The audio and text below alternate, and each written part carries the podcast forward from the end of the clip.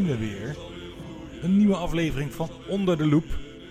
De podcast waarbij ik iedere aflevering een andere brouwerij onder de loep neem. En vandaag nemen we een kijkje in het leven van brouwerij Het Verzet. De brouwerij die ik heb leren kennen op Alvinne Craft Beer Festival in 2017. Toen we met een touringcar vol met biergeeks richting België gingen en daar een soort mini-Bores beleefden. Fantastische tijd was dat. En daar proefde ik voor het eerst oud bruin van brouwerij Het Verzet. Dit was zelfs een oud bruin met eikenbladeren erin. Maar daar kom ik straks nog wel eventjes op terug. Brouwerij Het Verzet is gestart in 2011 door de drie vrienden Koen, Alex en Joran, die elkaar leerden kennen tijdens hun studie biochemie in Gent. In dat laatste jaar voor die studie kon er gekozen worden voor het vak brouwerijtechniek en zij drieën waren de enige in hun klas die dat kozen. In 2008 studeerden ze af en alle drie kregen ze direct een baan bij een echte grote commerciële brouwerij. Koen ging aan de slag bij de proefbrouwerij in Locristi. De brouwerij voor huurbrouwers is dat. Hier laten alle huurbrouwers zoals Mikkeler, Toeul en Omnipollo hun bieren brouwen.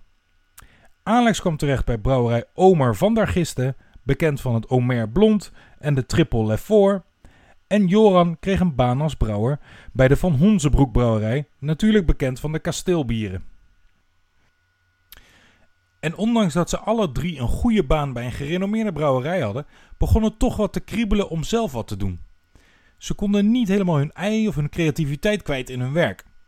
Zo was Alex bijvoorbeeld niet betrokken bij de receptontwikkeling binnen Omer en kreeg Koen juist boordevol ideeën werkend bij de proefbrouwerij. Die zag stijle bier voorbij komen die niet gewoon waren in België. Amerikaanse stijl bieren van Scandinavische brouwers, boordevol hop of koffie of noem het maar op.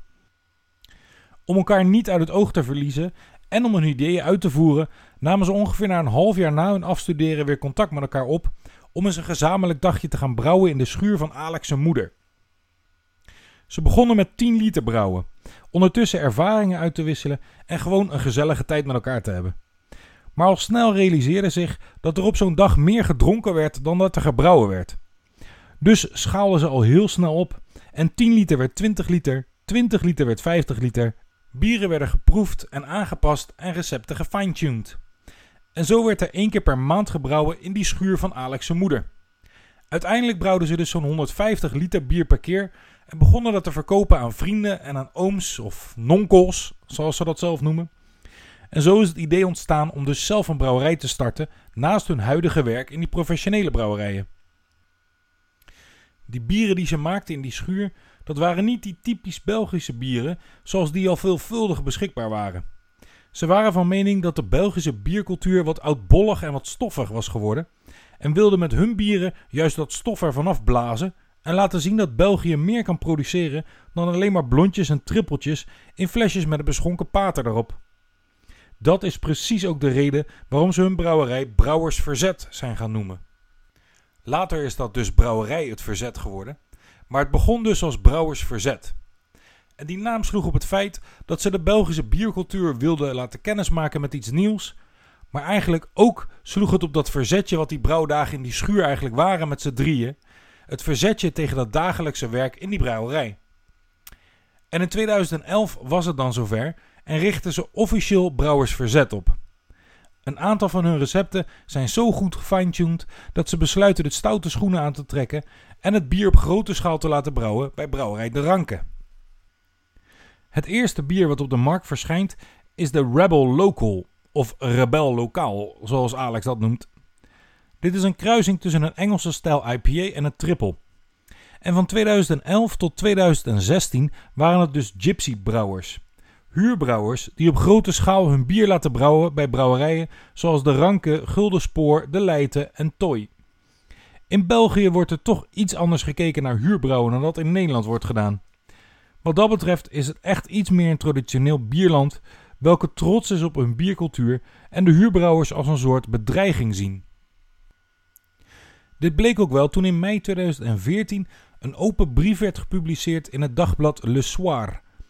In die 12 paragraaf lange open brief stond geschreven dat contractbrouwerijen en bierfirma's schade toebrengen aan de Belgische biercultuur. Een van de laatste grote nationale schatten, het Belgisch bier, is in groot gevaar. verschillende bedrijven, welke alleen een commerciële interesse hebben, brengen de reputatie van Belgisch bier in gevaar. Dit zijn nepbrouwerijen. Zo stond er geschreven. De brief was ondertekend door 15 Belgische brouwers, waaronder Ivan de Baats van Brasserij de la Seine, Jean van Rooij van Brasserie Cantillon en Chris Herteleer van de Dolle Brouwers. Dit deed de heren van Brouwers Verzet wel heel even schrikken, ondanks dat ze zichzelf er niet in herkenden. Als zij namelijk een batch bier maakten bij een grotere brouwerij, zijn ze er zelf altijd bij en staan erop alles zelf te doen. Het is dus niet zo dat ze een recept insturen en dat een aantal weken later hun bier toegestuurd krijgen. Hoewel ze dus het stof wilden afblazen van die Belgische biercultuur, werden ze het meest bekend met hun oud bruin bier. En dan bedoel ik dus Vlaams oudbruin, hè? Niet die zoete troep die Heineken nog steeds verkoopt. Hoewel Vlaams oudbruin ook zoet kan zijn, maar dat is niet waar ze voor kozen. Hun oud bier wordt gerijpt in houten vaten en is daardoor juist wat aan de zurige kant. Met dit bier gooiden ze hele hoge ogen en stonden ze direct op de kaart volgens menig biergeek. In de loop van de jaren zijn ze dus ook varianten met dit bier gaan maken. Zo is er dus die ene variant met eikenbladeren, welke ik in 2017 dus op het Alvinne Craft Beer Festival ontdekte. Voor die eikenbladeren variant hebben ze een evenement bedacht. Eenmaal per jaar worden 10 mensen uitgenodigd om met hun eikenbladeren te gaan verzamelen, welke in het bier gaan. Dan klimmen ze met z'n allen in de bomen om zo genoeg bladeren te kunnen plukken. Naast deze variant is er ook nog een kersenvariant, eentje met aardbei, eentje met framboos, eentje met bosbes en de laatste variant is er eentje met perzik. Met biernamen als Baby Jesus, Supernova, wat staat voor No American Hops, en Unwanted Tattoo zijn ze gelukkig rebels genoeg. In 2013 kan Joran via zijn oom, die hoofdbrouwer is bij New Belgium Brewery in Amerika, een stageplek krijgen bij deze Amerikaanse brouwerij en hij besluit zijn droom te volgen en verhuist naar Amerika. Na die stage van vier maanden gaat hij aan het werk bij de Three Taverns Brewery in Georgia. Er wordt besloten dat hij nog steeds werkzaam blijft bij het verzet, maar zijn rol wordt erg beperkt. Hij zet zich voornamelijk in om de bieren op de Amerikaanse markt te krijgen.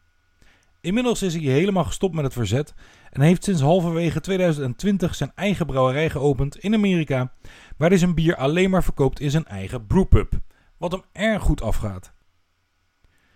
Alex en Koen blijven dus over en ondertussen zijn zij aan het rondkijken naar een eigen plek. Een locatie om een eigen brouwerij neer te zetten met het liefst een pub erbij. Maar niet alleen een locatie, er moest natuurlijk ook een volwaardige brouwerij komen te staan. Omdat ze zelf op dat moment werkzaam zijn bij grotere brouwerijen en veel huurbrouwden en dus veel op bezoek gingen, hadden ze al veel verschillende brouwerijsystemen gezien en meegewerkt en hadden inmiddels dus al erg goed beeld wat ze wilden en wat ze vooral niet wilden. Heel veel geld was er ook niet, wat het ook een beetje beperkte. Maar uiteindelijk kwamen ze via een tip van iemand van Brasserie de la Seine uit bij een Tsjechische brouwerijmaker. En voor 300.000 euro waren ze de trotse eigenaar van hun eigen blinkende ketels.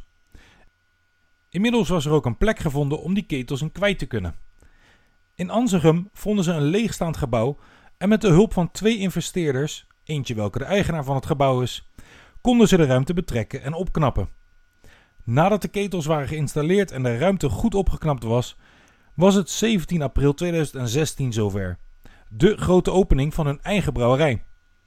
En met deze opening werd ook meteen hun naam gewijzigd. Brouwers Verzet werd nu Brouwerij Het Verzet. En achter die blinkende ketels is op de muur een graffiti-schildering te zien. Een grote rode adelaar die aangevallen wordt door gepersonaliseerde hopbellen en de superheld Supernova.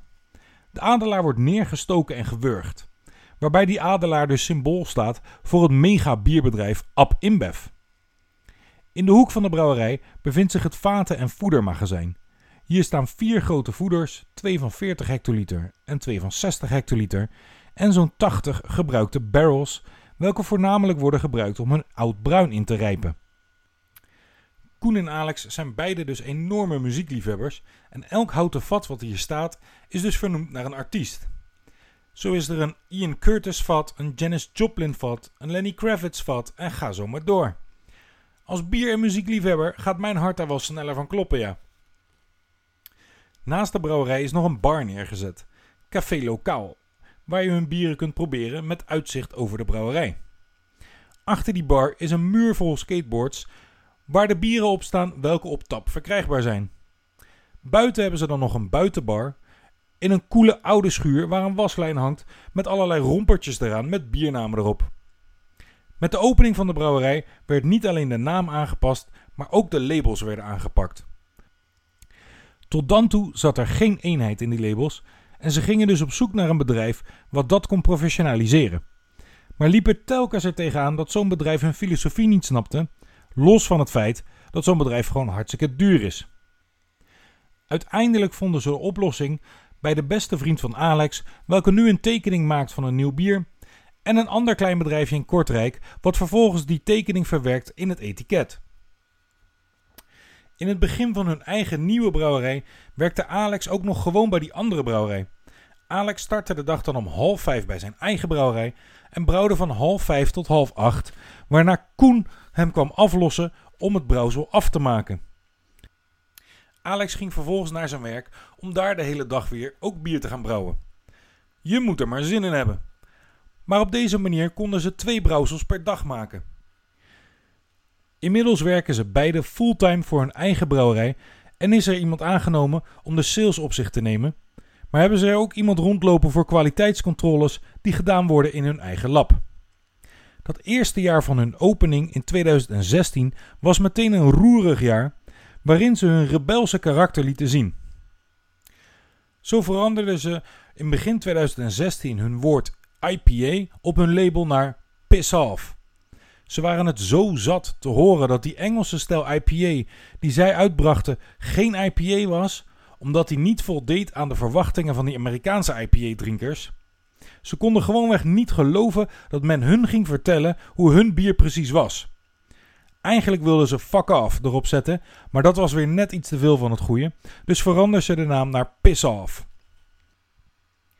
En later in 2016 lazen ze een interview met Mikkeler in een Zwitsers blad, waarin Mikkel sprak over hoe simpel het is om bier te brouwen en dat hij nog een aap kon leren hoe je bier moest brouwen. Dit schoot in het verkeerde keelgat bij de heren van het verzet. Dit ondermijnde het vakmanschap wat bij bierbrouwen komt kijken en zagen ze ronduit als denigerend. Ook nog eens omdat Mikkel zelf niet brouwt, maar zijn bieren laat brouwen bij de proefbrouwerij in Locristi, waar Koen dus zijn bieren nog heeft gebrouwen. In een opwelling hebben ze twee apenmaskers gekocht en een eenmalig bier gebrouwen, genaamd Scandinavian Pussy. Een session ale van 3,8% alcohol, welke ze dus hebben gebrouwen met apenmaskers op. Het verzet heeft het speelse en rebelse tot nu toe altijd weten vast te houden. Zo wordt er één keer per jaar de superboil gemaakt, waarbij de wort voor het oud bruin bier 16 uur wordt gekookt in plaats van anderhalf uur. Hierbij treedt er een Maillard-reactie op, wat het bier extra zacht karakter geeft. Tijdens die extreem lange brouwdag is de brouwerij geopend voor publiek en is het eigenlijk één groot feest. Muziek erbij, bier erbij, een en al gezelligheid. Althans, voor corona was dat zo. Om deze coronacrisis te overleven hebben ze de community De Brigade opgericht. Een soort lidmaatschap die voordelen biedt zoals gratis levering van de webshop, een verzet gazet, een exclusief bier welke gebrouwen wordt door de brigadeleden en zal er vanuit de brigade volgend jaar een heus Oud Bruin Festival worden georganiseerd. Voorafgaand aan de lancering van die brigade hielden ze een soort guerrilla-actie in Kortrijk. Er werden spandoeken gehangen aan de broeltorens van Kortrijk en aan de brug. Graffiti werd er op de stoep gespoten met de tekst Sluit je aan bij het verzet. En overal werden affiches en stickers geplakt met diezelfde tekst. Dat zorgde tijdelijk voor behoorlijk wat commotie in Kortrijk en omgeving. En missie geslaagd dus. Op dit moment drink ik de Oudbruin Cherry Harvest 2017 van ze. Een heerlijk zuur bier met een licht zoete toets. Geen ontsnappen mogelijk aan die kersen. Daaronder zit wat karamel, wat balsamico en wat azijn en rood fruit.